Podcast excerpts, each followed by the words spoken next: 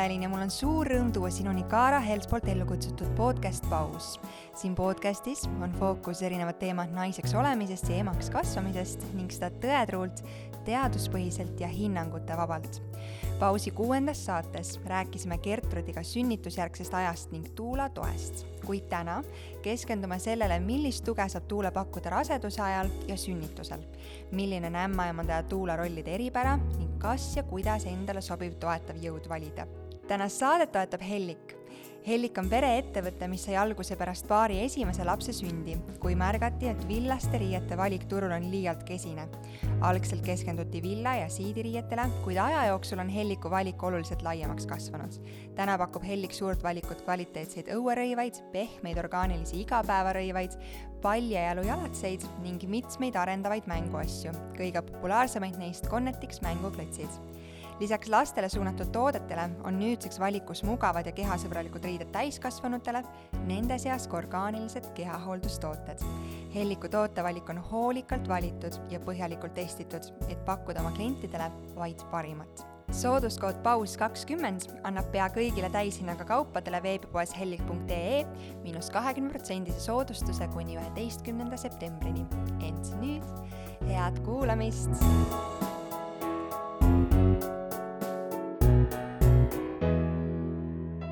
tšau, Gertrud tere jälle, Evelin! me rääkisime sinuga pausi kuuendas saates äh, Tuula toetusest ja üleüldiselt sünnitusjärgsest ajast, et kuidas mm -hmm. ennast ja võib-olla oma lähedast, kes selles perioodis para-, parasjagu oma eluga on, toetada kõige paremini. aga võib-olla natukene tagurpidi aga räägime täna rasedusajast ja, ja sünnitusel Tuula toest, sest äh, sa oled väga armastatud ja väga-väga palju head tagasisidet saanud ja väga, võin ma öelda, koge-, suure kogemuste pagasiga juba täna äh,, Tuula? nojah, nüüd juba jaanuaris saab esimene beebi kuueaastaseks oh., ehk siis põhimõtteliselt pea kuus aastat. kas sa loed äh, neid sünde, mille juures sa oled olnud?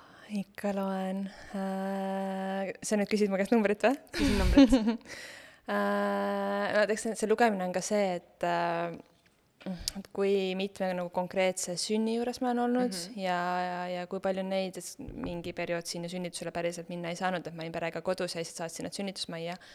aga, aga ühesõnaga, et jah, et kuidas täpsemalt lugeda, aga, aga niisugust äh, sünnitoetust ka siis füüsiliselt kohal, poolikuna, online'is kuidas iganes äh, erinevas kastmes on äh, olnud seitsmekümne ringis wow. tänaseks päevaks. Ja noh, siia juurde veel lihtsalt pered, keda ma olen ette valmistanud või, või sünnitusjärgselt käinud või või kõik ühesõnaga need miljon muud asja, mida ma, mida ma teen, et ma arvan, et lõppude lõpuks neid naisi või beebiseid või, või peresid, kes on mu juures käinud, on ikkagi oh jumal, koos joogadega ma arvan, mingi tuhande ringis juba aga sa tõesti elad ja hingad selles rütmis ja nende teemade keskel. ja see on miski, mida sa väga-väga naudid. jaa, jaa, ma siiamaani mõtlen, et huvitav, kas see nagu muutub igavaks ka kunagi või, või kuidagi või iseenesestmõistetavaks või, aga ei, iga sünnitusega mõtlen, et oh vau wow,, nii on ka võimalik Anu ütles äh, eelmises saates, et äh, sünnitus ise on juba nii erakordne või erakorraline et mm -hmm. mitte kunagi ei ole midagi raamatu järgi või kindlasti nii läheb. et ilmselt see ongi miski, mis äh, noh, sünnitused on erinevad, rasedused on erinevad mm, -hmm. pered on erinevad, beebid on erinevad äh,, see on miski, mis hoiab sellist äh, erilisust äh, nende teemade juures ma olen märganud küll, et iga kord, kui ma lähen suhtumisega, et ah, selle perega ma nagu juba aiman, kuidas võiks mhm. minna või noh, tekib niisugust nagu äh, nagu arrogance mm. ähm, no nii, nüüd ma ei oska ka eesti keeles sulada. ma arvan, et ühesõnaga, kui ma olen liiga enesekindel mm, -hmm. äh, siis see sünnitus alati tohutult üllatab mind või, või kui ma kuidagi äh,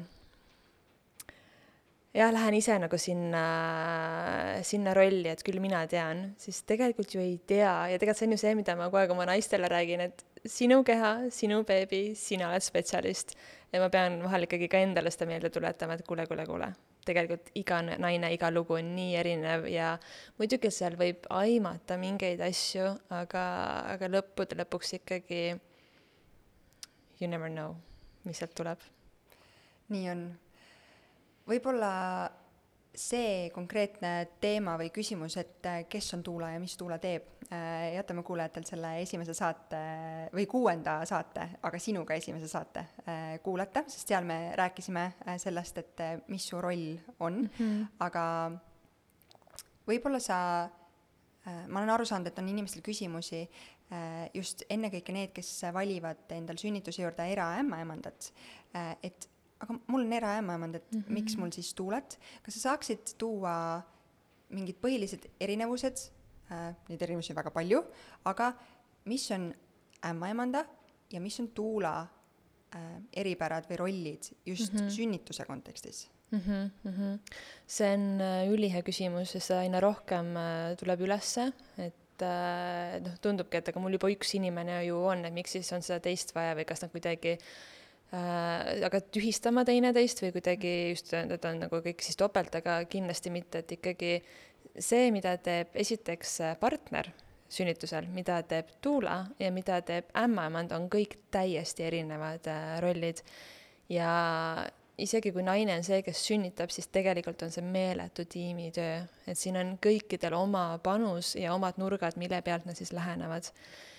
ja niimoodi hästi mustvalgelt ja lihtsalt öeldes on niimoodi, et äh, tämmamann tegeleb sellega, mis on vööst allapoole ja siis tuula sellega, mis on vööst ülespoole.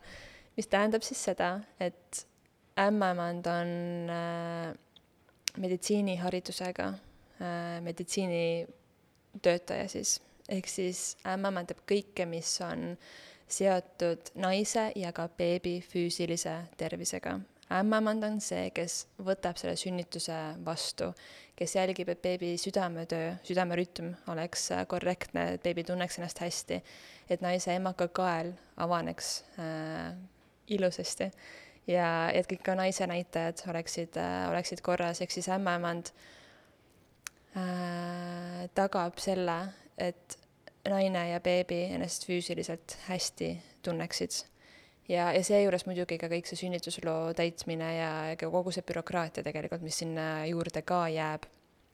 et oleks see vaid niimoodi, et ämmaemand saab seal mõnusalt neid beebisid vastu võtta, vaid tegelikult seal on kõik masinate hooldus ja, ja jah, see paberi, paberimäärimist on seal tegelikult palju aga, aga jah, ja ämmamaand siis äh,, tavaliselt on üks ämmamaand, kes teeb raseduse jälgimist mm -hmm. ja on siis hoopis teine ämmamaand, kes tuleb sünnitusele, et meil on, vähemasti Tallinnas on väga vähe ämmamaandeid, kes mõlemat äh, kahjuks teeksid ehk siis juba naine tegelikult kohtub erinevate inimestega, et on see rasedusaegse aja jälgija ja siis äh, sünnitusele tulev ämmemand ja siin ka nüüd oleneb, kas on eraämmemand, ehk siis naine on äh, endale palganud ämmamanda, kelle ta on ise välja valinud, temaga juba enne vähemalt korra tutvunud, võib-olla oma sünnitusplaani ja ootusi jaganud, võib-olla ka hirme, ja siis seesama inimene tuleb temaga sünnitusele ja on temaga terve sünnituse vältel. Ja lisaks ka kaks tundi peale sünnitust ja siis, kui naine läheb juba sünnitusjärgsesse äh, palatisse, siis sinna enam see eraämmemand kaasa ei tule, et seal on siis juba sünnitusjärgse aja äh, korruse töötajad mm -hmm. nii-öelda. personal toimetamas. personal, jah, just äh,. ehk siis äh, isegi kui on eraämmemand, siis see, see koostöö tegelikult on äh,, ei ole kõige pikem tegelikult äh,. Sest nagu ma ütlesin, ämmemanda töö ongi see beebi nüüd tervelt vastu võtta ja, ja muidugi ka ämmemand äh, juhendab sünnituse ajal naist, et kuidas äh,, kuidas võiks hinna, hingata, mis asendeid võiks võtta äh,. et ämmamanda eesmärgiks on, et see beebi nüüd ilusti sünniks ja siis ta aitab kaasa nii, kuidas ta oskab. aga jah, ennekõike siis meditsiinilises äh, võtmes mm, enne kui ma lähen nüüd selle juurde, et rääkida, mida siis Tuula teeb, on sul mingit küsimust äh,, äkki mul jääb midagi lisamata? Ei, ma nüüd äh, selle sa alustad seda juttu nii ilusasti, et, et ka kaaslase roll on sünnitusel väga suur mängida, ehk siis mm -hmm. võib-olla räägid tuula rollist ja siis ka kaaslase rollist, mis, kuidas sina näed, millises mm -hmm. ideaalmaailmas äh, või millised need mm -hmm. rollid sellisel juhul on mm? -hmm. Äh, aga, aga jah, ma siis jätkangi tuula rolliga, ehk siis äh, äh, ma alustan võib-olla sellest, et tuulaga see koostöö võib kesta isegi tervelt aasta, et seal on olenevalt muidugi kokkulepetest, aga ideaalis, kuidas mina töötan, on see, et, et äh, kui naine on oma need äh, kaks triipu kätte saanud, et ta siis juba tegelikult tuleb minu juurde. mõni tuleb ka hiljem, ka täitsa viimasel hetkel tullakse, aga see on niisugune nagu klassikaline, eriti esmarasede puhul, kes ei tea veel midagi ja kes tahab nagu seda, uh, tule räägi nüüd mulle. elevus on nii ja. suur ja ei tea. just, ja ehk siis äh, äh, Tuule pakubki ametlikult öeldes siis äh, on Tuula sünni- ja peretoetaja, ehk siis ta pakub informatiivset, emotsionaalset ja füüsilist tuge äh, naisele kui ka tervele perele. Äh, lahti võetuna siis, äh, noh, ma ju rääkinud, kes see tuul on, aga erinevus siis ongi see, et et kui ämmaemand teeb seda meditsiinilist poolt, siis tuula teeb hästi palju seda vaimset. Et ta on juba teinud selle ettevalmistuse, ta on juba pikalt saanud õppida tegelikult seda pere tundma ja ta teab neid dünaamikaid Äh, neid äh, koh-, neid kohti, mis, kus naine ennast väga hästi tunneb, neid kohti, kus ta võib-olla vajab rohkem toetust, ehk siis ta läbi lõhki tegelikult äh, võiks olla kursis selle pere ja nende soovidega. ja mm, ja kuna ta, kuna ta tunneb selle pere dünaamikaid, siis ta oskab ka seal sünnitusel naisele pakkuda sellist tuge, nagu naine on juba väljendanud, et ta, et ta vajab ja mida Tuule ise näeb, et see võiks olla sellele naisele oluline. ja, ja, ja samamoodi Tuule siis äh, ka sünnituse ajal äh, ta, ta ei võta beebit vastu, kuigi on juhtunud, kui ämmemand pole jõudnud, aga klassikaliselt tegelikult Tuules seda teha ei, äh, ei tohiks. aga noh, sa ei pane käsi ju selja taha, kui sa näed, et see beebi sünnib, sa pead tegema midagi. aga aga, aga siis sünnituse ajal ka samamoodi Tuula saab pakkuda erinevaid äh, asendeid, mida teha, erinevaid äh, harjutusi, et kaasa aidata.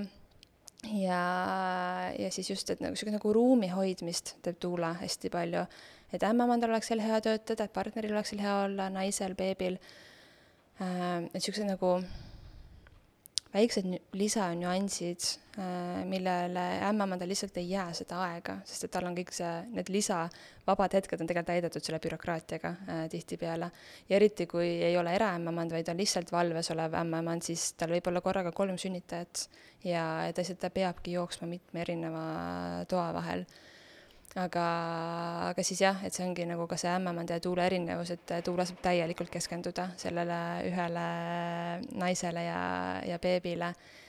ja, ja see tundma-õppis, õppimisaeg on jah pikem ja ka sünnitusjärgselt siis, et nagu ma ütlesin, ämmemandaga tegelikult see töö seal sünnitustoas äh, lõpeb tavaliselt äh,, kuigi noh, tegelikult saab just ämmemandat endale ka hiljem kutsuda koduvisiiti tegema aga noh, klassikalises võtmes see lõpeb sünnitustoas, siis äh, tegelikult tuulega see töö veel jätkub siis. Äh, et tuulena ma ikkagi, ma tahan jälgida, ma olen perega seni koos, kuni nad on endale jalad alla saanud, et äh, naine tunneb ennast hästi, partner tunneb ennast hästi, beebiga kogu see uus elumaailm äh, sujub um,. sest uus on see maailm kõigi jaoks äh, Äh, mitte ainult selle sündiva beebi jaoks, vaid äh, ka ema jaoks, ükskõik, kas see on esimene või mitmes laps, siis see on ju mingil määral, sa hakkad elu uuesti mm -hmm. kogema või, või kuidagi teistmoodi ja nägema yeah.. ja samamoodi kaaslase jaa, no see on jälle täiesti uus peredünaamika, et siin on ju väga suur erinevus, kas ma olen Angelegagi kahekesti koos, oleme me kolmekesti, oleme me neljakesti, viiekesti, iga kord ju igaüks tuleb oma, oma pagasiga, oma energiaga mm. -hmm. ja seda teevad, teevad ka beebid aga, aga ühesõnaga jah, et Uule nagu haldab seda suurt pilti, et kõik läheks mõnusalt, sujuvalt, pehmelt, arvestades selle naise ja pere äh, soove. Ja see koostööaeg on jah, on palju, palju pikem, et need ma ütleks, et on suurimad äh, erinevused. Ja seejuures Tuule siis ei paku meditsiinilist äh, nõu ega ei tee ühtegi meditsiinilist äh, vahelesekkumist ei emakakaela avatuse vaatamist äh,, isegi äh, ma ei tea, vererõhu mõõtmist või kehatemperatuuri mõõtmist tegelikult ei, ei, ei tee Tuula, et äh, me ikkagi mm,, meie käed on meie tööriistad. meie käed, meie silmad, kõrvad äh,, suuvad kõik oma äh, need aistingud ja instinkti pealt siis äh, töötamine. sa pead väga hästi inimesi tundma ja ma ei räägi siin mõt-, selles kontekstis vaid, et, et sa kohtud seal teatud arv kordi raseduse ajal perega või naisega, vaid sa pead oskama inimesi lugeda, sest ma kujutan ette, sa tõid enne välja, et äh, ähm, et sünnitusel, et sa siis püüad pakkuda seda tuge naisele, mis, mis sa oled varem temaga kokku leppinud, millist ta arvab, et ta vajab, aga reaalsuses, nagu meil siin saadetest ka välja on tulnud, kui me oleme rääkinud sünnitusest, et et me võime teha ükskõik millised plaanid ja ükskõik mm -hmm. mida arvata, et me soovime ja teame ja tahame, siis tegelikkus, kuna sünnitus on nii kuidagi ütle mulle hea sõna, milline, see on selline protsess, mul on kananahk peal sellele mõeldes. sünnitus on uuesti sünd. just, aga mm -hmm. sa ei mhm. suuda seda ette kujutada tegelikult ja isegi, kui sa oled selle kor-, seda korra või paar või mitu korda kogenud, siis iga sünnitus võib olla täiesti eri nägu ja eri moodi. absoluutselt. ehk siis ühesõnaga, et sa pead oskama inimesi tunda ja lugeda ja näha neid, äh, sest äh, ma arvan, et kõik ei oska väljendada oma soove ja võib-olla ei ole aega ja mahti ja õhku ja, ja sõnu väljendada oma soove ja tundeid mm jah, ja et see on, see tegelikult ongi midagi, millega ma teen tööd juba raseduse ajal, et toome nüüd selle fookuse enda peale, kes olen mina, mida tahan mina, et me lõpetaksime ära selle, et me pisendame pidevalt ennast, et mahtuda teise inimese maailma, et see on see, mida me oleme, mida meid on õpetatud tegelikult tegema lapsest saati, et sina ja sinu tunded ei ole olulised. Ja nüüd on vaja hakata ümber äh, kasvatama neid emasid, sellepärast et äh, kui nad tunnevad seda raseduse ajal, nad tunnevad seda ka sünnituse ajal, nad tunnevad seda ka emana ja see on nagu väga efektiivne läbipõlemise retsept.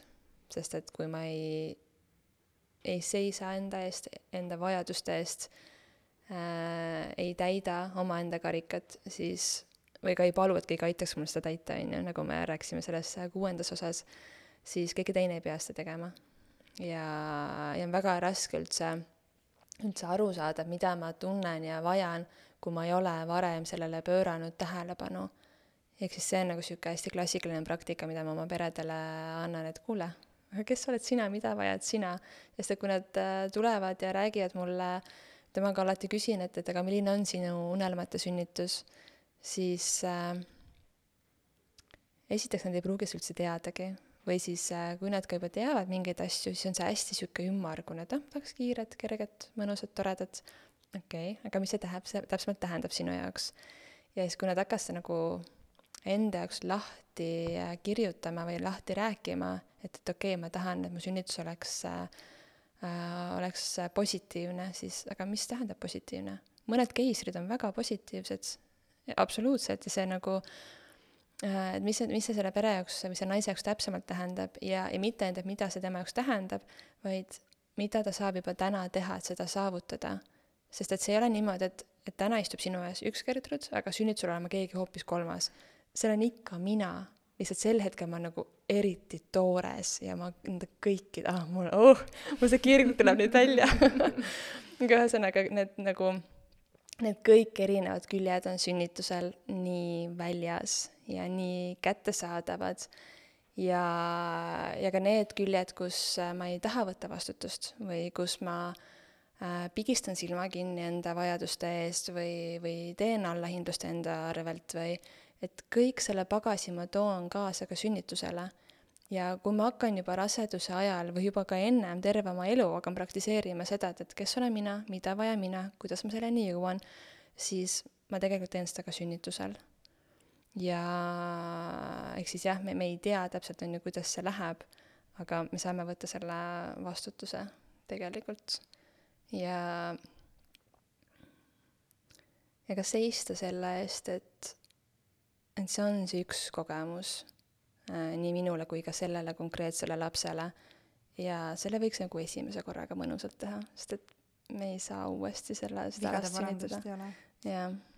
kaudselt on, on ju, iga järgneva sünnitusega ja, ja tegelikult naised ka tervendavad oma traumakogemust, traumasünni kogemust järgneva sünnitusega. ma olen seda ise hästi palju näinud, see on hästi ilus ja võimas.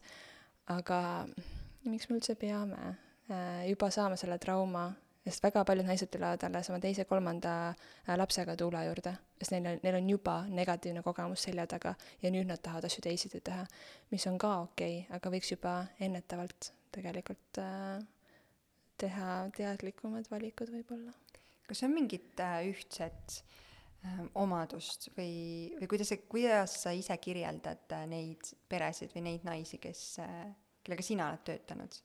kas nad on kuidagi, sa ilmselt tead, kuhu ma selle jutuga jõuda tahan, aga et tuulad ei ole ainult ma ei tea, looduslastele ja siis nagu voodoo-maailm, et nõiad tulevad oma aurava tee ja platsenta, kuivatatud platsenta kapslite ja, ja panevad platsentat sulle smuuti sisse, et see ei ole, see ei ole ainult nagu, on kindlasti, ma olen aru saanud, et on väga erinevad tuulad, kellel on väga erinevad äh, nagu erinevad fookuse võtnud mm, -hmm. millised nad oma töös on mm, -hmm. aga see ei ole ainult see mm. -mm.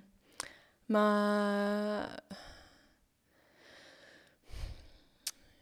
eks ma näen ka, et äh, mul on ikkagi oma see nagu see tüüpiline klient äh,, kes minu juurde, juurde tuleb äh,. aga, aga ja ma arvan, et see, see ei ole üldse see, et, et see on kuidagi mingi looduslaps või kes äh,, kes tahab platsenta smuutit mis on väga fine. aga, aga ma ütleks, et, et see ühine joon on see, et, et ta on, ta on teadlik naine. Ja, ja ta tahab positiivset sünnikogemust mitte ainult endale, vaid ka oma lapsele ja mis tähendab, et ta on valmis võtma vastutust selle eest. et ma tunnen, et see on nagu see ühine joon, aga et et kas ta nüüd tahab sünnitada kodus või kas ta tahab sünnitada või kas ta näiteks teab, et tal on nii või naa plaanipärane keiser, kas tal on olnud loomulik rasestumine, on tal olnud kunstlik viljastumine, need kõik on nagu nii liikuvad. Ja see ja see ei ole üldse ka ju tähtis, inim-, tähtis on see inimene, kes seal taga on, need on lihtsalt mhm. erinevad kogemused, erinevad variandid, aga see inimene ise on jah, ma ütleks, et sihuke keskmisest teadlikum, mulle tundub. miks, miks see positiivne sünnikogemus, mis siit käib järjest korduvalt läbi, miks see oluline on? oh, sest et see on midagi, mis meid mõjutab absoluutselt terve meie elu. Ja mitte ainult seda naist, vaid äh, otseselt ka beebit sest et see on sellele beebile absoluutselt esimene kogemus selle maailmaga siinpool äh,. sest tal on kõhus väga turvaline ja väga sossu, mõnus, hea, kõik on ideaalne ja siis ta tuleb siia suurde maailma äh,, mis on väga kaootiline tegelikult ja sest kõhus olles ju kuhu iganes ta käe või jala vastu paneb, vastu läheb, sinna, ta tuleb emadele vastu. ta on sõna otseses mõttes kaisus olnud terve oma elu, tal ei ole olnud kunagi ju nälga, külmatunnet äh,, valjusid helisid, valgust äh,, üksildust, ta ei ole mitte kunagi tundnud neid ebameeldivaid tundeid, muidugi kindlasti midagi, eks seal on ka hirmu olnud ja võib-olla valu ja äh, see on loomulik, aga, aga üldjoones on see ikkagi väga mõnus olnud. siis ta sünnib siia maailma, mis sünd on traume-, traumeeriv tegelikult füüsiliselt paratamatult ja, ja kui sinna juurde veel panna kõik muud asjad, on ju, et, et kui see ema on väga hirmul ja ja kuidagi tunneb ennast, ennast üksikuna ja teadmatuses ja ja, ja siis tegelikult need kogemused ikkagi mõjutavad seda sündivat beebit, sest et see väga, on väga oluline, kuidas ema ennast sünnituse ajal tunneb, mis tähendab ka seda, et, et ei ole ainuõige äh, loomulik vettesünnitus. Et, äh, et jällegi ma tulen tagasi selle keisri juurde, et kui, kui ema on keisri juures rahulik ja ta saab aru, et see on vajalik, äh, ta ei tunne ennast kuidagi äh, süüdi või hirmul või ühesõnaga, ta, ta on oma keskmes, ta on kohal, ta tunneb ennast endiselt toetatult, ta tunneb ennast endiselt vägeva naisena äh,, siis see ei ole ka beebile traumakogemus. ei, ei peaks vähemasti äh, olema. mul just äh, mõned päevad tagasi oli mu elu teine erakorraline keiser nüüd kuue aasta peale. ja see beebi oli vana rahuisa. tal ei olnud üldse seda, et oh no, mis juhtus. Sest aga naine oli megarahulik. ta tundis, et me andsime endast absoluutselt kõik, meil oli ülihea eraämmemand, see naisel oli fantastiline ettevalmistus. ja me olime ka rääkinud enne läbi, et keiser on üks võimalustest, see alati on. ükskõik milleks me valmistume, siis nagu sa ütlesid ka, et me kunagi tegelikult ei tea, kuidas läheb ja, ja see oli hästi rahulik, pehme keisrile minek. et naise näitajad olid korras, beebi näitajad olid korras, lihtsalt oli näha, et, et no ta lihtsalt ei tule siit ja me absoluutselt saime lisaaega ja tegime, tegime kõik, mis oli meie võimsuses. Ja, ja siis naistearst ikkagi otsustas, et tead, ta ei tule siit, et võtame siis teistpidi ta välja. ja naine läks naeratusega keisrile. Ja see ei olnud ka see, et, et oleks nagu alla andnud või või, või kuidagi, et see oleks äh, jah, niisugune nagu allaandmine olnud, vaid see oli see, et, et aa, okei okay,, siit see tee nagu on liiga künklik, valime selle natuke siledama, pehmema tee. ja see kohale ta jõuab ikkagi samasse kohta. emaks ta sai ikkagi, ta sünnitas ikkagi, lihtsalt läbi kõhu. ja, ja see oli tõesti, see, see üks rahulikumaid beebisid, keda ma olen näinud, mm. ta oli nii chill. ja, ja sealt on kohe näha, et see ei, ei olnud kuidagi traumakogemus seda oleks huvitav, äh, ma jätan endale meelde, et rääkida äh, sellest samast küsimusest ka mõne ämmaemandaga, et miks see positiivne sünnikogemus on äh, oluline. Äh, sest ma kujutan ette, kui ma lihtsalt ise mõtlen sellele teemale, olles üldse mitte spetsialist, aga, aga nüüd olles rääkinud siin podcast'is ja Kaara tiimiga väga palju nendest teemadest, siis see puhtpraktilised äh, mõtted või, või vajadused, et mida ilusam ja, ja selline toetatum on on naise jaoks see sünnikogemus, mida lihtsamalt justkui see traumeeriv, nagu sa ise ütlesid, paratamatult äh, kogemus ikkagi on, siis äh, seda kiiremini saab laps rinnale, seda kiiremini saab jagatud, äh, ma ei tea, meie mikrobioom lapsega, mida, mis, see on tema jaoks kõik uus, selle maailma kogemine, seda pare-, kiiremini saab ta rinnale, mis mõjutab otseselt imetamisteekonda, mis mõjutab otseselt lapse immuunsust tulevikus ja nii edasi mm, -hmm. ehk siis neid ka neid mõõdetavaid asju justkui tundub mm -hmm. nii palju olevat, mida sünnituskogemus äh, ema ja lapse jaoks äh, mm -hmm. tähistab mm. -hmm.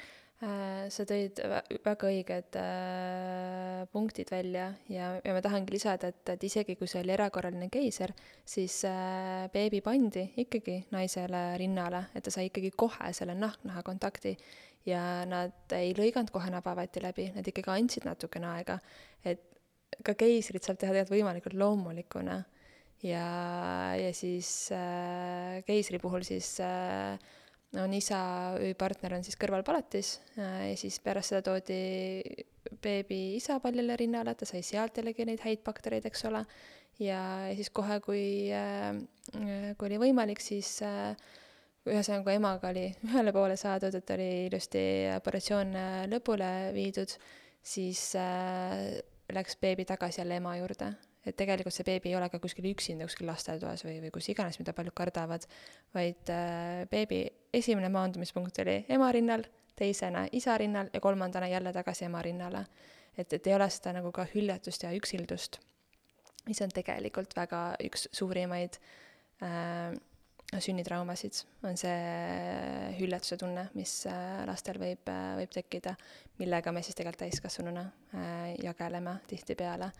Või, või kas usaldamatus selle elu ees, on ju, või, või võõraste olukordade ees, et see on tegelikult hästi huvitav vaadata, et, et kui inimene on piisavalt teadlik, et ta on ennast kõrvalt vaadanud ja ta teab, mis on tema niisugused põhilised nagu baashirmud, siis tihtipeale me ei tea, kust nad tulevad, me lihtsalt teame, et kuskil midagi on ja siis hakata mõtlema, et oot, aga huvitav, milline mu sünnikogemus oli, sest väga paljud asjad tulevad sealt.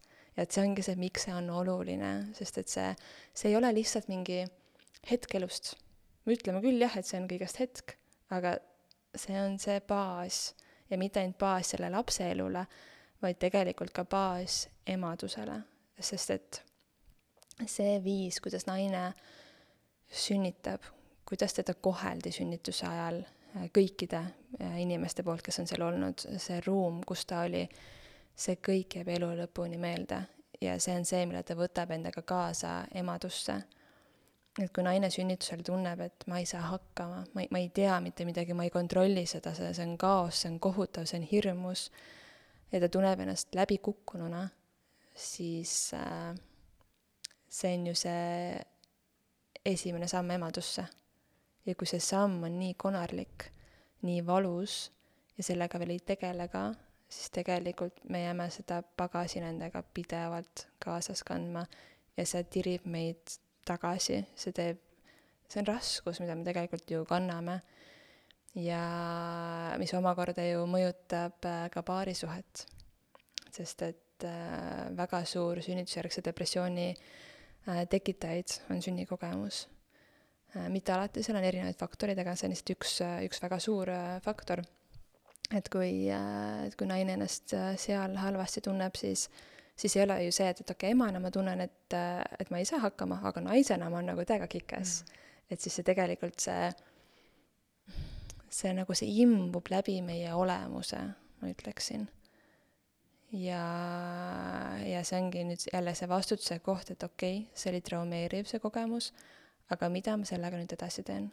kas ma olen valmis seda tervendama, kas ma olen valmis võtma vastutust selle eest, et seal oli ka minul oma osa, miks asjad läksid nii, nagu nad läksid, sest asjad mitte kunagi ei juhtu meiega, vaid need juhtuvad meie jaoks. ma olen seda kindlasti ka võib-olla eelmises podcastis juba öelnud, sest et noh, see lihtsalt, see on nii puhas kuld.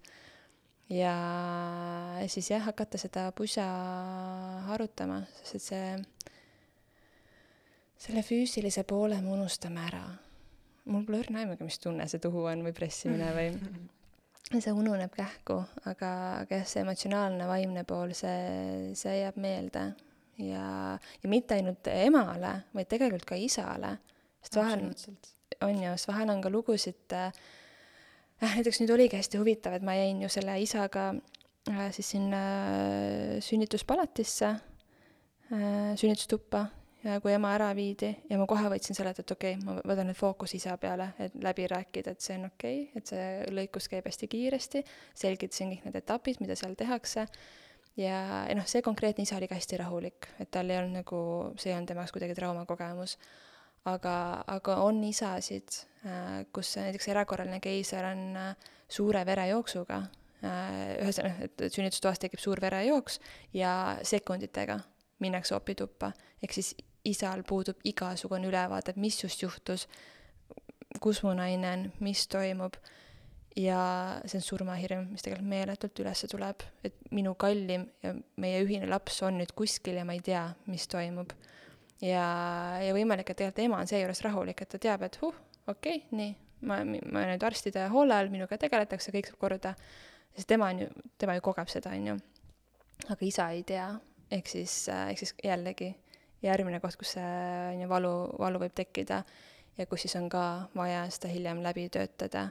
et enam siis ongi see teadmatus, mis tekitab seda, seda hirmu ja infosulus olemine, äh, mis on, äh, võib ikka väga-väga drastiliselt äh, mõjuda ma saan aru, et need lood, mis sa siin oma näitel või oma perede näitel praegu välja tõid, need on läinud selliselt ja hoolimata sellest, et on erakorralised keisrid või, või miski, mis ei ole justkui olnud esimene eelistus nendel peredel, need on äh, lõppenud ilusasti, sest nagu sa tõid välja, need pered on olnud teadlikud ja neil on olnud see info äh,, nad on saanud seda infot vastu võtta olukorras, kus inimesed on võimelised infot vastu võtma, mitte Just. erakorralisel äh, hetkel, kus justkui tunneb, et kontroll on sinu käest väljas mm. -hmm. kas see on osati töö, mida teeb Tuula peredega, ehk siis sellise info, teabe jagamine äh,, nõustamine mm -hmm. äh, selle kogu raseduse vältel? jaa, just äh,. jah, et Tuula ei räägi ju ainult äh,, ainult sellest, et kuidas nüüd äh, äge sünnikogemus endale saada, vaid me ikkagi valmistamegi tervet pere ette mitte ainult sünnituseks, vaid üldse lapsevanemluseks ja, ja selle juurde ju käibki äh, informatsiooni jagamine, et pere saaks teha teadlikke äh, valikuid äh,. ja, ja just, et nagu sa ütlesid minu arust väga hästi, et seda tasuks teha enne, kui me oleme ikkagi selge mõistuse juures äh, ja olukord ei ole kriitiline, vaid ma päriselt saan rahulikult laua taga istuda ja lihtsalt läbi käia need erinevad stsenaariumid, mis võib, äh, võib juhtuda ja ega muidugi, ega see kõik, kogu see info ei pruugi meelde jääda, aga siis selle jaoks ongi, et ma saan sünnitusel uuesti öelda, et mäletad, me rääkisime sellest kunagi, et nüüd ongi see koht käes äh,. nagu ka selle naisega oli, et, et isegi kui naistearst oli konkreetselt öelnud, et kuulge, siin tuleb minna lõikusele, siis naisele jäi ikkagi tunne, et tema tegi selle otsuse. ja see ongi see, mis on tegelikult oluline, isegi kui ta teab, et jah, seda on vaja teha siis et, et, et jällegi see, et mitte, et asjad juhtuvad temaga, vaid et tema, ta võttis ka selle hetke ja ütles, et jah, ma, mul on rahu hinges, ma tean, et ma olen kõik endast andnud ja, ja ma ei taha oodata, et asi läheks kriitiliseks, et pigem lähme teeme selle praegust ära. ja ehk siis tema ütles seda ise ka, et jah, see on okei okay. ja see juba väga muudab seda kogemust tegelikult. Ja sellest me ka juba, juba enne saame, saame rääkida. Äh, ja mida ma alati rõhutan oma peredele, ongi see, et, et tegelikult lõppude lõpuks ei ole kõige olulisem see, kuidas füüsiliselt need asjad juhtuvad, et kas see nüüd on, on see kodus või on see haiglas, on see vees või on see sünnituslaual, on see vaginaalselt või on see keisriga. et need kõik on lihtsalt erinevad variandid. Mis on oluline, ongi see emotsionaalne pool seal, et, et see enesetunne oleks äh,, oleks hoitud ja turvaline. et see on see, mille jaoks on vaja liikuda, aga mis tähendabki, et see ongi see vastutuse võtmine, et aga mis siis tekitab minus seda turvatunnet. ja, ja mida ma saan enda poolt äh,, poolt teha, et kõik asjad läheksid nii hästi kui vähegi võimalik ja seejuures ma lasen lahti oma sellest kinnisideest, et ma pean sünnitama nüüd küünlavalgel vanni koos äh, Roosi Aitega, vaid et, äh, vaid et lihtsalt ma tunnen, et see kogemus on vägev ja, ja mina juhin seda, ma ei kontrolli, aga ma juhin. Mul on eriti põnev kuulata sind ja su lugusid ja mõtteid, sellepärast et ma tean, et sul on olnud neid, neid sünnitusi, kus on küünlavalgel ja roosiõitega täidetud vann, aga, aga sul on olnud ka neid, ma ei saa öelda, tavapäraseid, aga, aga neid, mida me justkui nagu kui me mõtleme sünnitusele justkui tavaliselt ette kujutame, ongi haigla sünnitustuba, äh, on seal ämmaemand, on seal tugiisik isa juures mm, -hmm. et, et nagu selline, ma ei saa öelda tavaline, ütle mulle mingi parem sõna selle asemel, Gertrud Uh, issand jumal, ikka ma ei tea aga sa oled neid väga erinevaid mm -hmm. viise kogenud ja, ja olnud erinevate sünnituste juures ma tean, et sul on statistikat selle kohta, äh, kuidas äh, tuula roll või tugi mm -hmm. sünnitusel on äh, nagu puhtnumbriliselt äh, aidanud kaasa võib-olla sünnituskogemustele ja ilusatele sünnituskogemustele mm. -hmm. just, ja siin ongi jällegi see, et, et, et mis on ilus, on ju, et lõppude lõpuks see va-, vaataja silmades on ilu, eks ole, ja sama on, on sünnituse puhul ja ja vot jah, see ongi see, kus sa enne küsisid, et milline on mu see klassikaline pere, et, et, et et see ei ole üldse niimoodi, et tuulad käivad ainult kodusünnituste juures, et on ainult kõik need puukallistajad just, ja, ja kõik on ju mega alternatiivne, üldsegi mitte, nagu täi-, täiesti tavalised naised sünnitavad koos tuuladega, sest et ma ütlen taaskord, et see on üks maailma kõige vanimaid ameteid. see ei ole mingi uus moeröögatus ja ainult äh, äh hipidele mõeldud, vaid äh, äh, ka arstid ise võtavad endale tuulasid äh, ja ämmemandad ise võtavad ja, ja ma ei tea, tippjuhid, ärinaised äh,, siin ei ole üldse vahet, mis see, mis see taust on, vaid lihtsalt see naine tahab anda enda poolt kõik, et see kogemus oleks äh, päästev ja positiivne. aga see statistika, et see on äh, see on nii lahe, et, et tänapäevaks on ikkagi nii palju uuringuid äh, tehtud, et äh, mis see, et kuidas see tuuletugi mõjutab ja kuskil uuringus oli ka sihuke tsitaat, et kui et kui tuula oleks rohi, siis oleks patt seda mitte kasutada sihuke magic pill.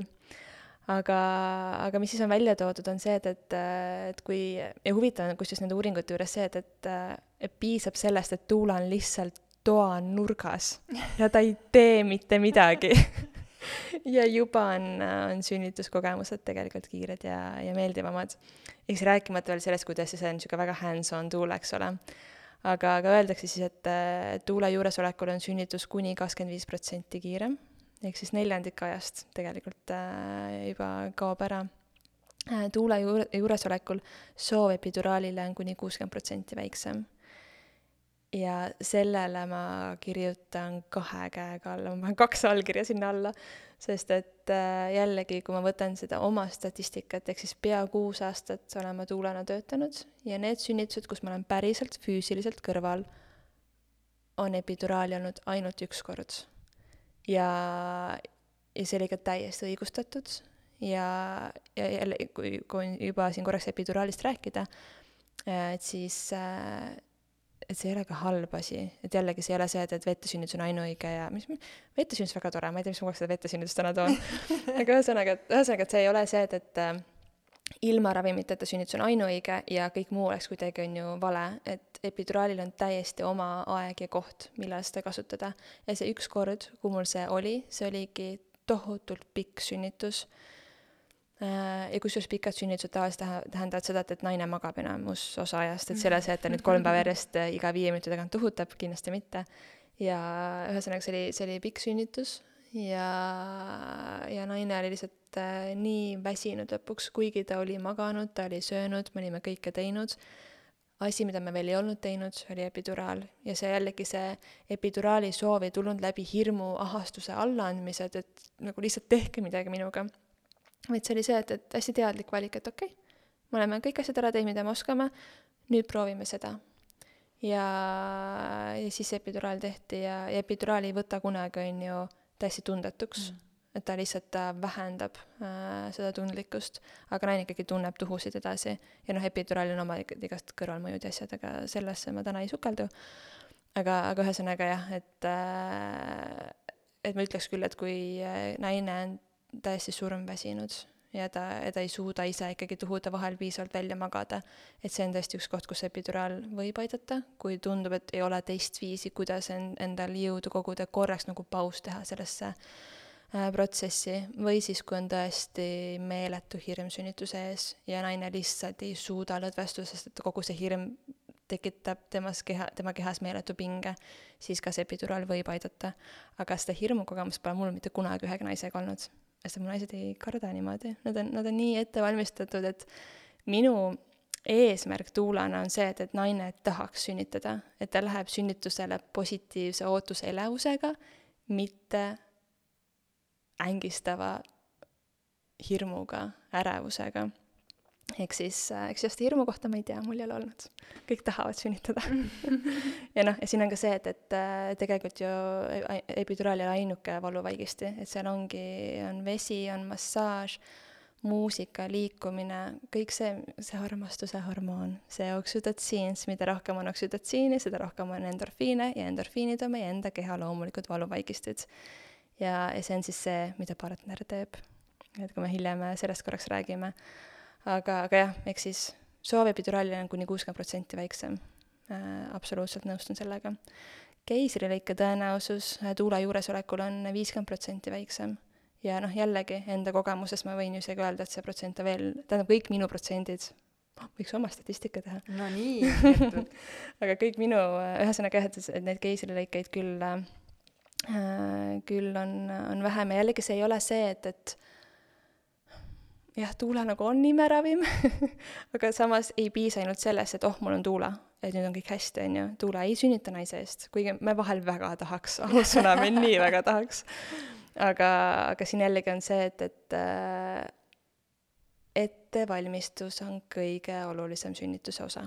ja see on see, mida siis tuula, on ju, äh, pakub ja ja noh, keisrilõikel on ka on ju erinevaid äh, põhjuseid ja praegu selle naisel, kes mul nüüd viimati oli, on ju, ta oli väga hästi ette valmistatud nii füüsiliselt kui ka vaimselt, et ta oli joogatanud, ta oli äh, raamatuid lugenud, ta oli Spinning Baby's harjutusi teinud äh,, kõik sünnitussoovide koostamised ja ühesõnaga kõik, kõik, kõik oli tehtud. ma, ma ei mäletanud ühtegi asja, mis oleks jäänud tegemata.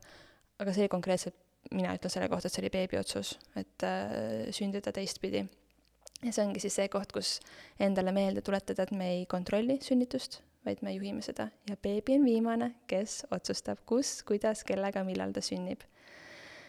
Ähm, paar punkti on, on veel, et, et uuringute kohaselt äh, tuule juuresolekul äh, oksüdotsiini kasutuse vajadus on kuni nelikümmend protsenti väiksem, et oksüdotsiin on siis siin mõeldud seda sünteetilist oksüdotsiini, mis siis kas kutsub sünnitust esile või siis kiirendab seda. Äh, et see ongi siis äh, Mm, jälle see, kus tuuladel on omad nipid, äh, mida, mida teha ja mitte ainult tuuladel, kui on nagu väga mõnus ämmamad, keda pere usaldab, et siis äh, sellest võib ka väga-väga palju abi olla. Äh, ja mis on tõesti hästi oluline punkt, on, et, et kui on oma tuula, siis on sünnitusjärgse depressiooni tekketõenäosus väiksem ja, ja siin on mitu faktorit, miks see niimoodi on, et esiteks ongi see teadlik ettevalmistus, ehk siis naine ei ole nii šokeeritud, mis sünnitusel toimub, ka, ka siis, kui asjad lähevad risti vastupidi. Äh, ja teine asi on see, et, et sünnitusjärgselt sul on endiselt see oma inimene olemas, et see pered jäävad väga üksinda tihtipeale peale sünnitust, aga, aga kui on tuula, siis ta ei pea guugeldama, ta on see oma mm., oma inimene, kelle poole pöörduda, kes käib kodus, kes äh, aitab füüsilistes asjades, kes aitab emotsionaalselt. et see on väga-väga suur faktor. ja mul on olnud endal ka naisi, kel, kellel ikkagi on tekkinud sünnitusjärgne depressioon. et äh, jällegi see ei ole see, et, et kui on tuula, et siis me oleme kõige, kõigest hoitud, kindlasti mitte aga, aga see on, ma arvan, et üks parimaid investeeringuid iseenda ja oma beebi ja kogu oma tulevase pereelu ellu tegelikult. ja, ja viimane punkt on see, et, et Tuule juuresolekul on äh, terve perekond sünnikogemusega rohkem rahul. ja seda on küll, et ma ka, ka need sünnitused, mis ongi läinud täiesti risti vastupidi ja on olnud vahelesekkumisi, on olnud ootamatuseid, siis terve see protsess on olnud keegi, kes sõna otseses mõttes hoiab selle naise kätt ja hoiab ka tema vaimset heaolu ja mitte ainult naise, ikkagi selle mehe ka ja selle beebi ka. Äh, et siis mulle on naised öelnud ka, et, et, et jah, asjad läksid nagu täiesti risti vastupidi ja mulle väga tihti öeldakse, et oo oh, vau wow,, see oli palju intensiivsem, kui ma arvasin kuigi ma püüan neid ikkagi väga ausalt ette valmistada, aga noh, see on ikkagi võimatu ikkagi sõnadesse panna, kui seda pole kogenud. aga, aga nad alati ütlevad, et nagu jumal tänatud, et sa meiega olid. et see, ja ka, ka need naised, kellel on ülikiired ja kerged sünnitused, siis ma mõtlen küll, et aga mis ma siin üldse tegin, et nagu sa ise nii hästi sünnitasid, siis nad ikkagi meeletult tänulikud. aga see oligi su ettevalmistuse vili ehk? ma tahaks nii mõelda küll sa mainisid siin enne tuulanippe ja, ja sa tõid ka välja selle, et äh, tuula põhiline töövahend on või töövahendid on äh, tema meeled, tema mm, -hmm. äh, tema tunded ja käed. käed äh, olgu siis äh, sünnitustoas või, või kodus, äh, kus iganes äh, sa sünnituse juures viibid, mis sa, mis sa päriselt teed? võta meid kaasa korraks ühele sünnitusele oh. mõtetes ja, ja võib-olla ma saan aru, et, et juba alustades sellest, et sa ju liitud tegelikult peredega väga erinevatel hetkedel, et mm -hmm. telefonist, telefonitsi vist nagu tavaliselt ei kakssada protsenti ei saa aru, et kaugel see sünnitus on või millal see beebi nüüd päriselt tahab tulla mm. -hmm.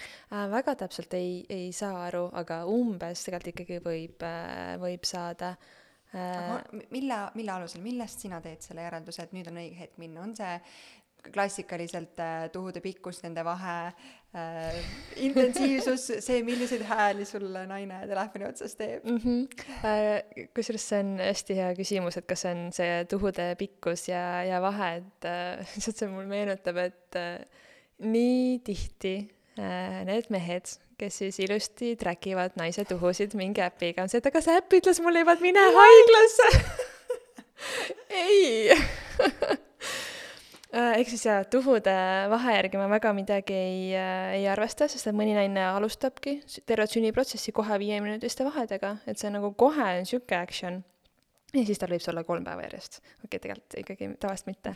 tegelikult võib-olla korraks küll niimoodi, aga siis ikkagi läheb see vahe jälle, jälle pikaks. aga millest ma siis aru saan äh,?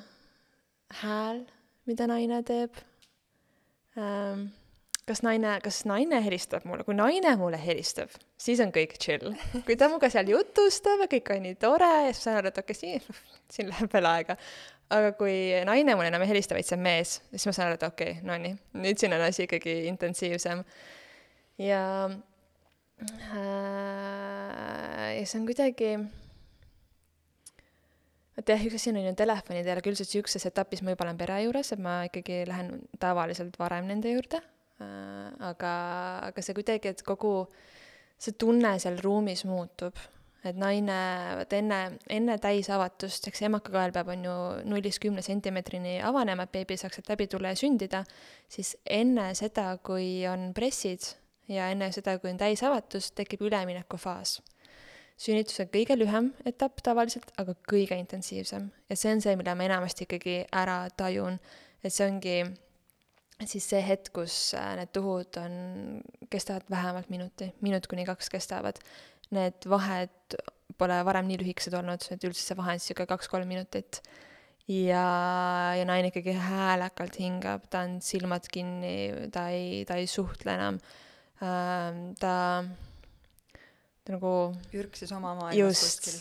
just, jah, ta nagu metsistub heas mõttes ja, ta nagu hästi orienteeritud, et kui enne oli veel siukest nagu pehmet mõnusat kulgemist ja siukest äh, nagu sünnituse nautimist isegi võib-olla, siis äh, sel hetkel on see sünnitus nagu, kogu see protsess on hästi suur ja see on nagu igal pool selle naise sees ja tema ümber. ja mm, sinna hääle sisse naisel isegi nagu õrnalt siukest nagu pressimise häält, häält tekkida ja, ja tavaliselt nais, naine ise ütleb ka siis, et, et oo oh, vau, nüüd on midagi nagu hoopis teisiti. Äh, ja nad võivad väga vihaseks muutuda.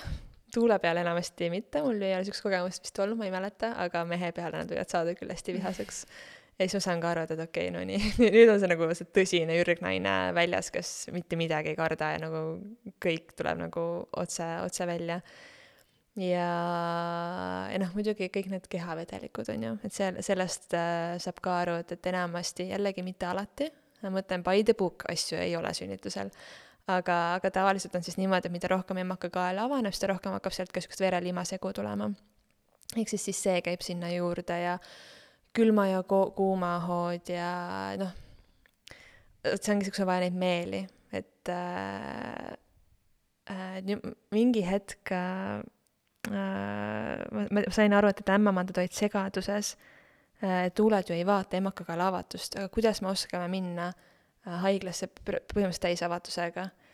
ja, ja ma mõtlesin, et huvitav, kust tulevad need kuulujutud, et tuuled vaatavad emakakaela ja siis ma sain aru, et, et aa, see ongi sellepärast, et me läheme nii õigel ajal haiglasse, aga see ongi see, et me ei, me ei pane enda kätt naise tuppe, me ei, me ei tee mitte midagi invasiivset ega mitte midagi meditsiinilist vaid see ongi meie need meeled.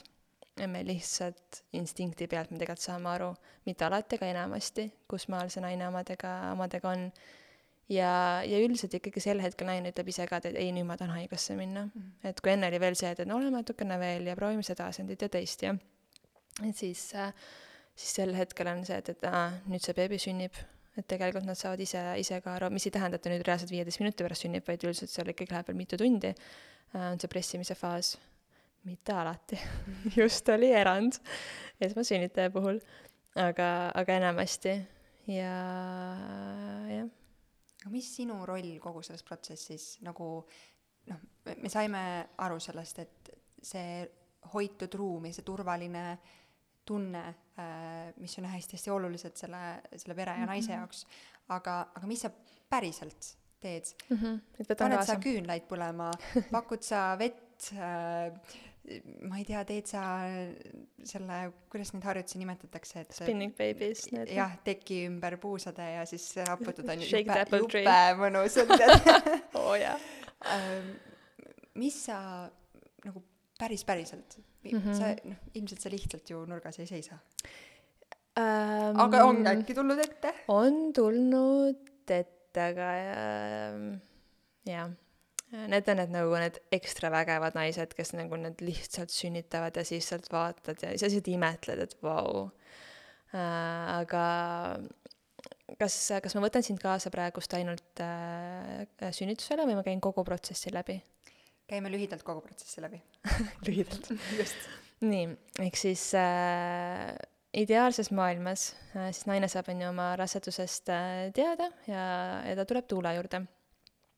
enamasti esimesed korrad käib naine üksinda minu juures, ma ürit-, ma õpin teda tundma, kes ta on, milline on olnud tema kogemus, mis on tema otsused minule, iseendale, et sihuke ma alati nimetan seda esimest äh, kohtumist nagu, nagu blind date natukene, et kas me meeldime teineteisele ja, siis sealt hakkab see asi lahti rulluma, et, äh, et jällegi, kas on olnud IVF, on see olnud äh, loomulik viljastumine, kas on seal juba olnud mingeid raskuseid või on see kõik väga kergelt läinud, siis ma juba saan aru, et, et okei okay,, et ilmselgelt, kui on olnud juba mingid raskused, siis naine võib olla natuke rohkem ärev ja ta vajab nagu ekstra toetust. ja siis me hakkame sealt niimoodi edasi minema, et ma õpingi naist tundma, siis ühel hetkel tuleb ka mees sinna kampa, siis ma õpin teda tundma. siis kõigepealt ma jagan neile infot raseduse kohta, sünnituse kohta, kõik, mis füsioloogiliselt naise kehas juhtub, kuidas mees teda parimal viisil toetada saab sünnitusel, mis on nende sünnisoovid, ma enam ei kasuta sõna sünniplaan, sünnisoovid on palju parem. Me paneme siis sünnisoovid kirja, ma räägin neile kõik haiglasüsteemi ära, mida haiglas tehakse, miks midagi tehakse, erinevad äh, protsessid, mis seal toimub. Äh,. ja ma jah, kogu, kogu see aeg ma üritan aru saada, et mis on neil okei okay ja mis mitte, mida nad tahavad ja mida nad ei taha ja selle ümber ma hakkangi siis ehitama. ja ma üritan välja filtreerida või sõeluda nende hirmud, ehk siis ma läbi info jagamise, läbi erinevate harjutuste ja võib-olla natukene ka teraapiliste võtete ma üritan siis lahustada neid hirme ja siis hakata sinna peale kasvatama seda enesekindlust, et mida see naine siis päriselt tahab, mis on tema jaoks oluline ja kuidas ta selle saab. ja mitte ainult naine, vaid ka tema partner on ju, et ka partner saab siis naist toetada ja luua seda positiivset äh, kogemust vastad sa ka sellistele praktilistele küsimustele, et äh, ma ei tea äh,, mitu si-, sidet ma peaksin sinna haiglakotti pakkima mm -hmm. ja mis asja ma peaksin lapsele kaasa võtma ja yeah., või mis ma sinna kodu, koju peaksin valmis soetama, kui on kodusünnitus jaa, jaa, absoluutselt, me, me käimegi nagu, iga perega koostöö on erinev ikkagi, et, et mul ei ole niisugust nagu kindlat, et esimene kord räägime sellest, teine kord teisest ja et siin on ju kümne kohtumise käsikiri, et seda aga ma saan aru, et neid kohtumisi on üldjuhul kümme? Kokku on kümme, mul nagu vähemalt kümme mm, -hmm. et äh, üldiselt ma olen teinud niimoodi, et seitse tükki raseduse ajal ja kolm tükki peale sünnitust okay. ja peale sünnitust saab neid siis ka juurde võtta, aga see on niisugune nagu klassikaline, et need äh,, mul on ka nagu, on viis koht-, viie kohtumise pakett, aga need on need naised, kes minuga juba oma kolmandat beebit sünnitavad ja kes on nagu vanad kalad juba. et üldiselt äh, esmakordsele emale ma kindlasti soovitan ikkagi rohkem kohtumisi ja mis tähendab siis seda, et, et äh, mujal tegelikult eriti käima ei pea, muidugi võib, sest et kordamine on tarkuse ema, eriti kui info on uus, siis on tegelikult hea saada sama infot erinevate külgede äh,, külgede pealt. aga, aga ühesõnaga et perel tegelikult võiks nagu see üks kindel koht olla, kus nad oma info saavad, mis võtab ka kogu selle ärevuse maha, et, et nii palju igast äh, raamatuid ja loenguid ja kursuseid, et kuhu ma siis on ju lähen. et see on niisugune individuaalne lähenemine hästi, et vastavalt selle konkreetse pere vajadustele aga, aga ühesõnaga jah, ma hakkan üles ehitama seda enesekindlust äh, nii emotsionaalses mõttes kui siis ka jah, nende praktiliste asjadega. ja kui ma tunnen, et nüüd need raseduse ja sünnituse teemad on nagu läbinisti läbi võetud, et nad nagu päriselt saavad aru, suudavad võtta vastutust, sest neil on piisavalt informatsiooni, siis ma liigun juba raseduse ajal ka sünnitusjärgsesse aega, ehk siis kõik imetamine Ähm, käime igatepidi läbi sünnitusjärgne taastumine, kus on siis ongi, need on need sidemed ja, ja koduapteek ja asjad, on ju. ja, ja ka, ja ka emotsionaalne heaolu sünnitusjärgselt, et kuidas äh, mitte iga päev oma meest maha jätta või ise üksikuks äh, väga, väga jääda, vaid et noh, tõesti nagu, et et see on niisugune kohtumine, kus mul on mega oluline, et mees on ka kohal, et kus me nagu tõesti brutaalselt ausalt käima läbi selle sünnitusjärgse aja, sest et see on elu üks kõige suuremaid muutuseid ja see on raputav. et, et siis ongi see, kus ma ikkagi hästi mitmekülgselt lähenen, et ma valmistan neid ette mitte ainult sünnituseks, vaid selleks lapsevanemluseks, mida ma enne, enne juba mainisin. Äh, ehk siis neil on beebi kohta info olemas, kuidas beebi eest hoolitseda, kuidas iseendast hoolitseda, oma suhte eest, oma keha eest ähm, harjutused, mis me teeme, paberid, mis me kirjutame, kodused ülesanded, mis ma neile annan see on põnev, me teeme igast ägedaid asju. ja siis saame liikuda edasi siis päriselt sünnituse protsessi juurde. ehk siis mul on peredega kokkulepe, et kohe, kui nad tunnevad, et miski toimub, et nad annaksid mulle kohe märku. et see ei tähenda, et see on nüüd päris sünnituse või ma kohe lähen nende juurde, aga et ma olen kohe kursis, et ma juba saan tegelikult hakata neid äh, selle sünni, sünnituse protsessi juures äh, toetama. Ja üldjuhul siis ongi niimoodi, et kõigepealt saadab naine mulle SMS-i et jei, mul veed äh, puhkesid või oo, need on vist esimesed tuhud. ja siis üldiselt äh, päris pikalt kulgeb see rahulikult, siis me niimoodi vahepeal suhtleme, kuidas läheb ja ja siis ühel hetkel tulevad juba siuksed uh, kõned mulle, siuksed läbiuutamise, siis ma seal juba nõustan ja vahepeal räägin mehega, vahepeal räägin naisega, telefoni teel kuulan, kuidas ta siis hingab kusjuures, mis on huvitav, mul praegu just äh, viimase sünnitajaga mul meenub, et äh, meil oli tavaline kõne, mitte videokõne, ja ma tundsin, et, äh, et kui ta seal uutas ja, ja hingas ja tuhutas siis kui ma teda telefoni teel toetasin et siis ma iga kord ütlesin talle, et lase mu õlad pehmeks ja lase mu nägu pehmeks. Sest et isegi kui ma ei ole seal ja ma ei näe, siis ma kuidagi nagu Tunned. tajun ja mis seal toimub ja, ja ma igale perele ikkagi ütlen, mul ei ole nagu mingid stamplaused, et, et ma ei tea, lõdvestu ja hinga ja kõik on nagu magic, vaid ikkagi iga perega need laused on hästi erinevad, mida ma ütlen. ma, ma olen hästi sõnaliselt äh, toetan lisaks oma kätele, aga kuidagi ma nagu äh, oma sõnalise toetusega toon neid protsessidest läbi, et see on vist see nagu minu tuulakäekiri äh,. Ja see ongi hästi jällegi instinkti pealt ja ma nagu tajun, mida erineva perega, kuidas neile midagi öelda. Aga, aga ühesõnaga jah, et ma siis sünnituse varajases etapis äh, toetan ka siis telefoni teel, äh, noh, telefoni teel ja siis ühel hetkel, see ongi see, et kui enam mitte naine ei helista mulle, vaid juba mees helistab, siis ma saan aru, et, et okei okay,, nüüd on nagu ikkagi päris action juba. ja siis nad ise ütlevad mulle, et millal nad tahavad, et ma läheksin nende juurde. et äh, vahetevahel on see kodusünnitus või on see haiglasünnitus, siis klassikaliselt äh, ma lähen kõigepealt äh, pere juurde koju. ja, ja siis kodus kõigepealt ma lihtsalt istungi sinna voodisse ja jälgin. või noh, võib-olla kus nad on või on see naine vannis, ühesõnaga ma lähen istun seal naise juurde ja lihtsalt jälgin, et mis siis toimub proovin ise aru saada, et kui tihti need äh, tuhud käivad, kuigi see on nii nagu sekundaarne info, aga noh, ikkagi enam-vähem mingit, äh, mingit infot sealt saada. jälgin, kuidas ta hingab, äh, jälgin, mida mees teeb. Ja siis küsin mingeid küsimusi, et millal ta on vetsus käinud, kas on söönud, kuigi ennem juba telefoni teel olen kindlasti öelnud, et palun sööge, palun käige vetsus, palun magage, ma suunan hästi palju magama, sest läbi une emakakaal avaneb fantastiliselt ja naine hoiab oma energiat, on ju. et see on põhiline viga, mida tehakse, et hakatakse kohe ringi jooksma. ja siis jah, kui ma seda infot olen piisavalt palju kogunud, siis, äh, siis on näha, mida on vaja teha, et kas mm, kas ma tunnen, et äh, tasuks mingeid harjutusi teha, et näiteks kui naisel on seljavalu, sünnitus, et siis on väga kindlad harjutused, mida ma tahan endaga läbi teha, et see, et see seljavalu, see saaks leevendada.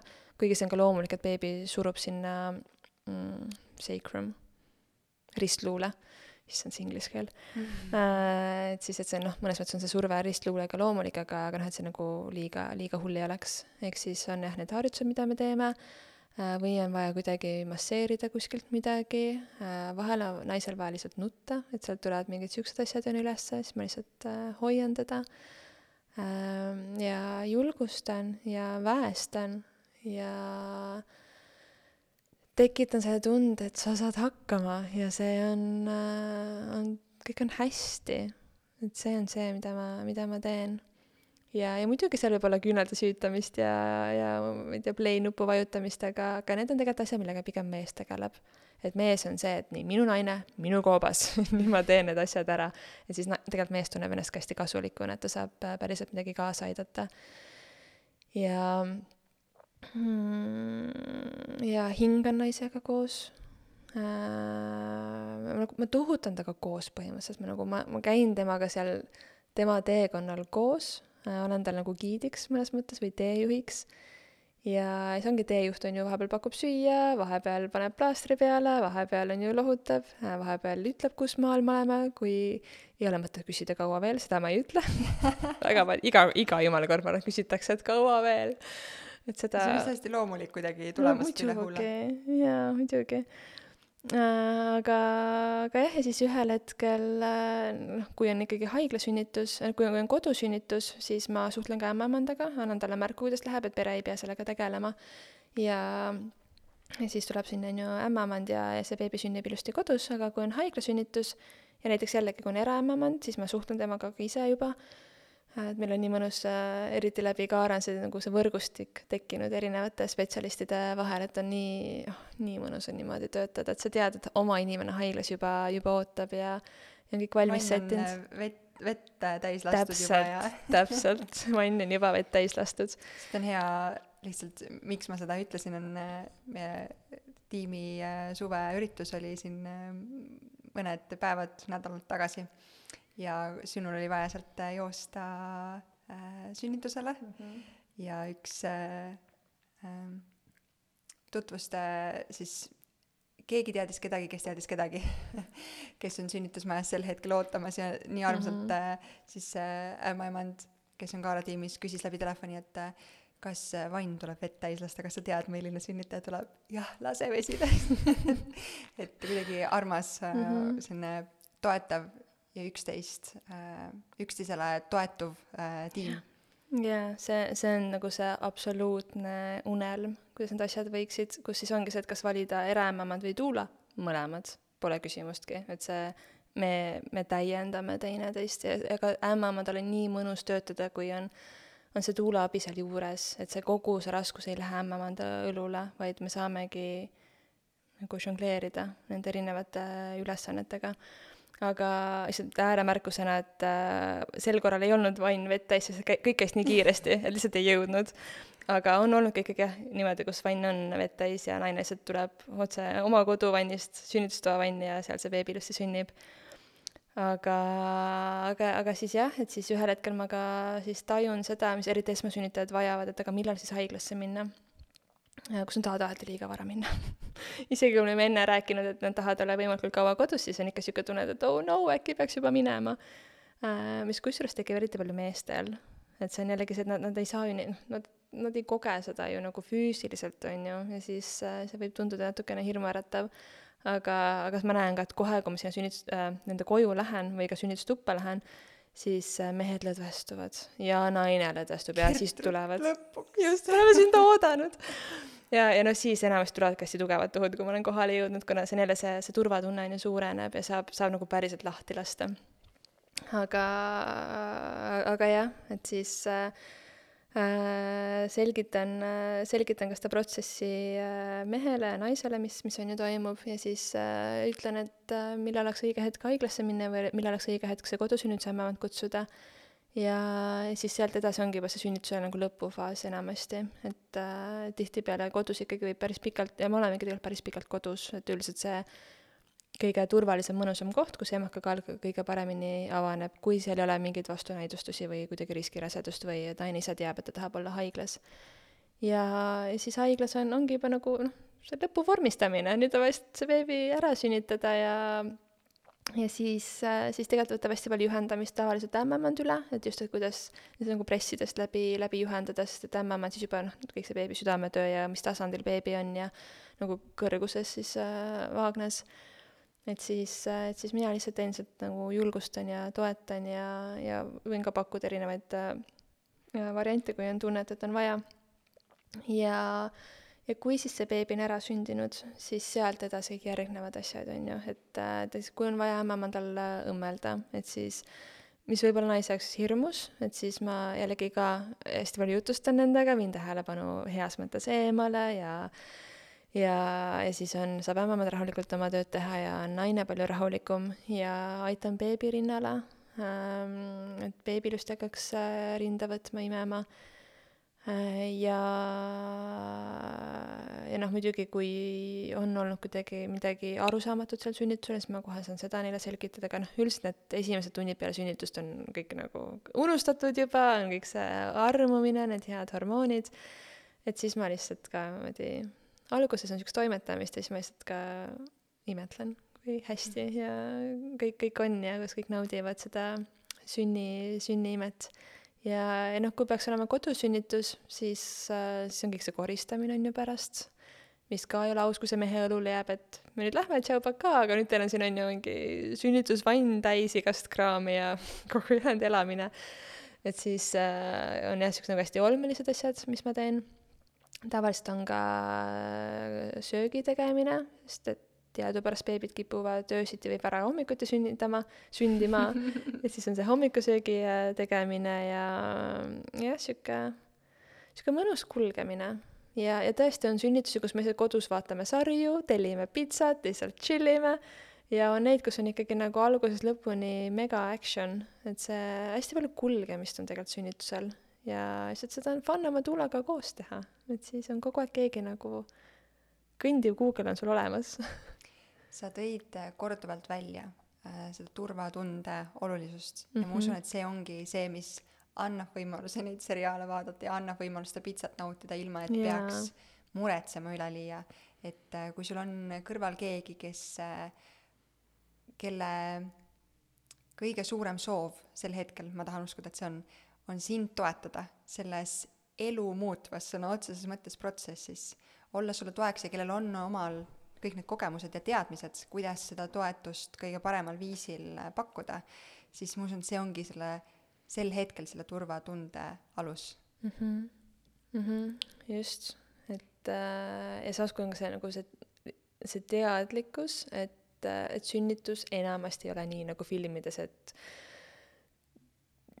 veed puhkevad ja siis kolm minutit hiljem on beebi käes, on ju, et see on ka midagi, mida mida naised üldse ei tea ja ka mehed, äh, et sünnitus võtab mega kaua aega tegelikult tavaliselt, et see, et, et, et nagu esimesest tuhust või vette puhkemisest, et see beebi nüüd käes oleks, võib vabalt võtta üks-kaks päeva tegelikult, sest et äh, see on ka see, et, et kus tegelikult need esimesed tuhud ei ole isegi päris sünnitus, see on see sünnituse nagu ettevalmistav fa faas äh,, sihuke noh, beebi alles sätib ennast ja need hormoonid alles on ju kogunevad ja aga tihtipeale naised juba selle peale mõtlevad, oo oh, vau, ma nüüd täiega sünnitan, aga siis nad väsitavad ennast ära, on ju.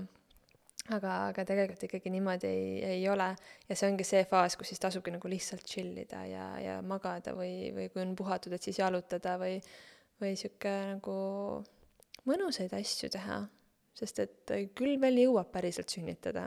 tead, aga ma astun nende kaitseks välja, kes on arvanud või kellel on läinud nii nagu filmis mm, -hmm. kaasa arvatud mul endal et enamasti jah, see ei ole nii, et minu meelest see klassikaline filmistseen, kus äh, naine kõnnib poes või tänaval ringi ja järsku vuu, kõik on vett täis, et jah, me oleme siin saadetes ka rääkinud sellest, et see on, äh, see on väga vähestel kordadel mm, -hmm. väga, väga vähestel naistele sünnitades see läheb nii, aga mõnikord läheb. Läheb, mõnikord see läheb. jälle, jälle näitab seda, et, et mitte miski ei ole kunagi sünnituse puhul kindel. jaa jaa, no just, no see, mis meil siin suvepeol oli, see oligi nagu see erand, mis kinnitab reeglit, et see esmasünnitaja, kellel tegelikult võiks kaua aega minna, kelle pressimisfaas võiks kaks-kolm, võib-olla isegi neli tundi kesta no kõik läks risti vastupidi. Äh, aga noh, ma arvan, et äh, mis seal nagu see, need tuulenipid, mis sa enne, mis me mõlemad mainisime, oli see, et, et äh, ta oli tegelikult juba kaks ööd tuhutanud, et öösel olid tuhud, aga päeval midagi ei olnud mis ei ole üldse libatuhud, et vahel on see, et ah, libatuhud ja ma ei saa magada ja see on täiesti mõttetu töö, mida ma teen, et ikkagi see on ka ettevalmistus, et tegelikult see emakas tõenäoliselt sätib seda parem, beebit sinna paremasse asendisse, läbi mille emakakaal kõik küpseb, ta pehmeneb, ta juba vaikselt tõenäoliselt hakkab avanema, et see ei ole nagu tühi töö ja et noh, nii tüütu ma ei saa magada, et see on jah, see on tüütu ka samas, aga, aga see läheb asja ette, mida ma pidin sellele naisele ka meelde tuletama, et see läheb asja ette, et see ei ole nagu aja raiskamine, sest ta oli lihtsalt väsinud ühel hetkel juba aga, aga ühesõnaga jah, ta oli kaks ööd tuhutanud, päeval oli kõik ära kadunud. Ja, ja siis äh,, siis äh, peale teist ööd ka nagu noh, midagi ikkagi nagu jäid, mingid tuhud, aga hästi ebaregulaarsed ja siis ma mõtlesingi, et ah, mul on nagunii see Kaara suvepidu veel jätk ja enne, enne peole tulemist siis, kuna nad jäid mul sõna otseses mõttes tee peale, siis ma veel hüppasin läbi nende juurest, noh, et vaatan, kuidas teil, neil siis läheb ja ja siis, kuna noh, ta oligi üks nendest naistest, kellel oli see seljavalu sünnitus, mis on jõle tüütu, kui see niimoodi on, et kõik see tuhutunne nagu läheb selga, mitte ta ei ole nagu äh, kõhus. siis ma mõtlesin, et okei okay,, ma tahan nagu juba tuulana midagi, midagi teha ja siis näitasin äh, ühte massaaživõtet ja siis ühte harjutust, äh, mida teha ja siis mõtlesingi, et noh, nad teevad selle harjutuse ära, et siis noh, võib-olla homme millalgi see beebi sünnib. ja siis tulen mina siia peole. Mul on ju nii palju aega. Äh, ja, ja peale harjut-, nad tegid selle harjutuse ära, kümme tuhu pidi niisugust harjutust tegema. Ja siis äh, mees andis märku, et, et jaa, et äh, peale harjutust läksid tuhude vahed hästi pikaks, mis on ka hästi tavaline, sest et kõik keha peab ennast uuesti sättima ja nad ilusti magasid ja noh, mega rahulik kulgemine, on ju ja siis tuli järgmine kõne, et kuule, meil siin nagu ikka on päris tugevad tuhud nüüd siuksed, käib selle viie minuti tagant, siis ma mõtlesin, et aa, okei okay,, no nii, tõenäoliselt ma, oli ka Anu oli siin, on ju, siis ma Anuga rääkisin, et kuule, vist nagu, millal sa valves oled, et vist nagu homme hommikul on äh, tulek. ja issand, kas äkki läks vist kakskümmend minutit mööda, no see ei olnud kindlasti mitte see tund, see oli võib-olla mingi pool tundi läks mööda, kus mees helistas, et kuule, tule nüüd meie juurde, et meil on siin nagu äh, ikkagi juba kahe-kolme minuti tagant need tuhud, kestavad nüüd juba üle minuti ja naisel ikkagi juba tekib niisugust nagu seda nagu häält ka sinna sisse ja siis ma ütlesin, et aa okei okay,, no nii, selge, ma siis tulen teie juurde. ja noh, nad olid reaalselt nagu siin peaaegu et kõrvalmajas ja ma ei jõudnud sinna, sest et järgmine kõne paar minutit hiljem oli juba see, et ei, me läheme haiglasse, tule haiglasse. sest noh, taas on see, et ma lähen pere juurde koju ja siis sealt on ju rahulikult koos vaatame, millal haiglasse minna. Ja siis me kohtusimegi haiglas, kus siis see hästi megatore ämmaemand meid äh, ootas. ja viisteist minutit hiljem oli beebi käes ehk siis äh, esimestest regulaarsetest tuhudest kuni beebi sünnini oli kaks koma viis tundi esmasünnitajal. mis nagu jah, nagu filmis on ju, ja, ja tõesti ta pressis ainult viisteist minutit, mida tavaliselt ei ole. et alati on neid erandeid ja, ja seal ka, ega mul ei olnud nagu liiga palju midagi teha, sest kõik juba nii hästi ise toimis aga, aga noh, ikkagi see, see kohalolu ja selgitamine ja juhendamine ja, ja hiljem selle beebiga toimetamine ja et ma enne nende juurest läbi käisin ja kõik see mitu ku-, kuud koostööd, mis me tegime ja see andis aluse võimaluse täpselt. ma loodan, nad kosuvad mõnusasti. jaa, neil on kõik mega hästi, jaa. on hea meel. Gertrud, sinuga võikski rääkima jääda ja ma juba ootan elevusega, et meil on järgmine saade tulemas kunagi.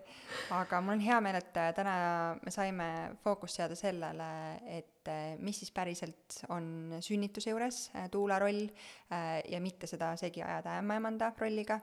sa tõid väga vahvasti välja, et kui ei tea valida, kas eraämmaemand või tuula, siis mõlemad ja ma, ma, võib-olla ma annan sulle veel võim-, võimaluse siin lõpus äh, välja tuua selle lühidalt, miks, miks sa päriselt usud, milles see sinu maagia seisneb? miks sa arvad, et, et olgu see esmasünnitaja või teist või kolmandat korda, hoolimata sellest, milline on varasem kogemus või teadmiste pagas, miks sinu juuresolek või sinu teadmised, mõtted, oskused, mida sa oskad edasi anda, on väärt selleks emaks kui... kasvamise või vanemaks kasvamise teekonnal? kui ma muidu mul on nagu neid vastuseid sulle on ju varrukast alati võtta, siis praegust ma olen täiesti mingi, et aa, ma ei tea. ma, ma selles mõttes ei tea, sest et ma ei ole ju kogenud om, nagu, ma ei ole, ma ei ole kogenud ennast, et kuida-, või samas tegelikult olen ju, olen küll, ma olen iseenda tuulaga samamoodi iga päev, ma mõtlesin valju häälega praegust välja, välja rääkima oma mõtete eks ma arvan, et mis see maagia on, on äh,, on see, et, et ma olen hästi rahulik ja kohal, mis tekitab seda turvatunnet. ja, ja seejuures ma lihtsalt nii meeletult usun oma naistesse ja, ja ma ei tee nende eest asju ära, et ma, ma ei, ma ei vaata neid kui äh, niisugune väeti naine, kes seal nüüd kuidagi üritab sünnitada, vaid et ta on nagu, ta on see ürgnaine, ta on nii vägev ja, ja ta väärib positiivset kogemust, äh, ükskõik, kuidas see ka läheb. Äh, et igal juhul on ta, on ta hoitud ja toetatud. ja, ja see, et, et, et kuna ma olen ise hästi avatud, siis on ka pered minuga hästi avatud, ehk siis meil see, see side, mis meil tekib, on enamasti hästi sügav ja see usaldus on hästi sügav.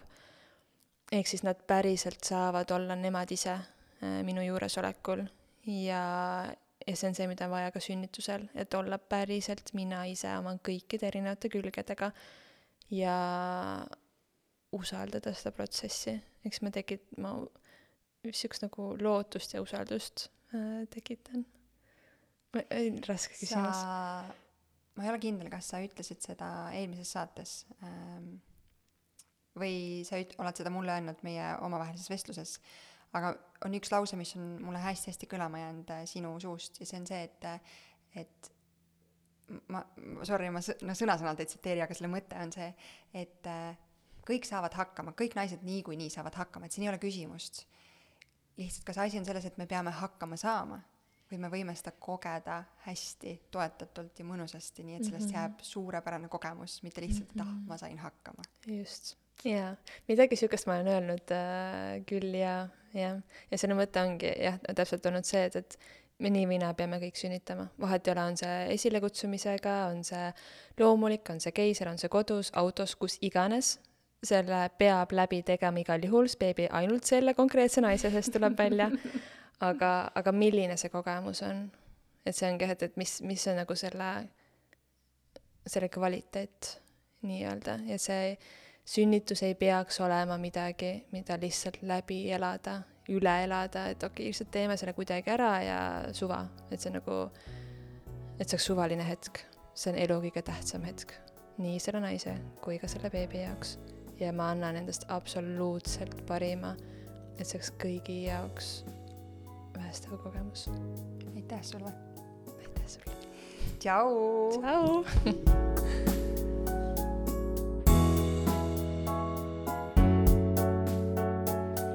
saate toob sinuni Kaara, naiste tervise ja heaolu edendaja rasedus- ning emadusperioodil. vaata lähemalt kaarahelts.io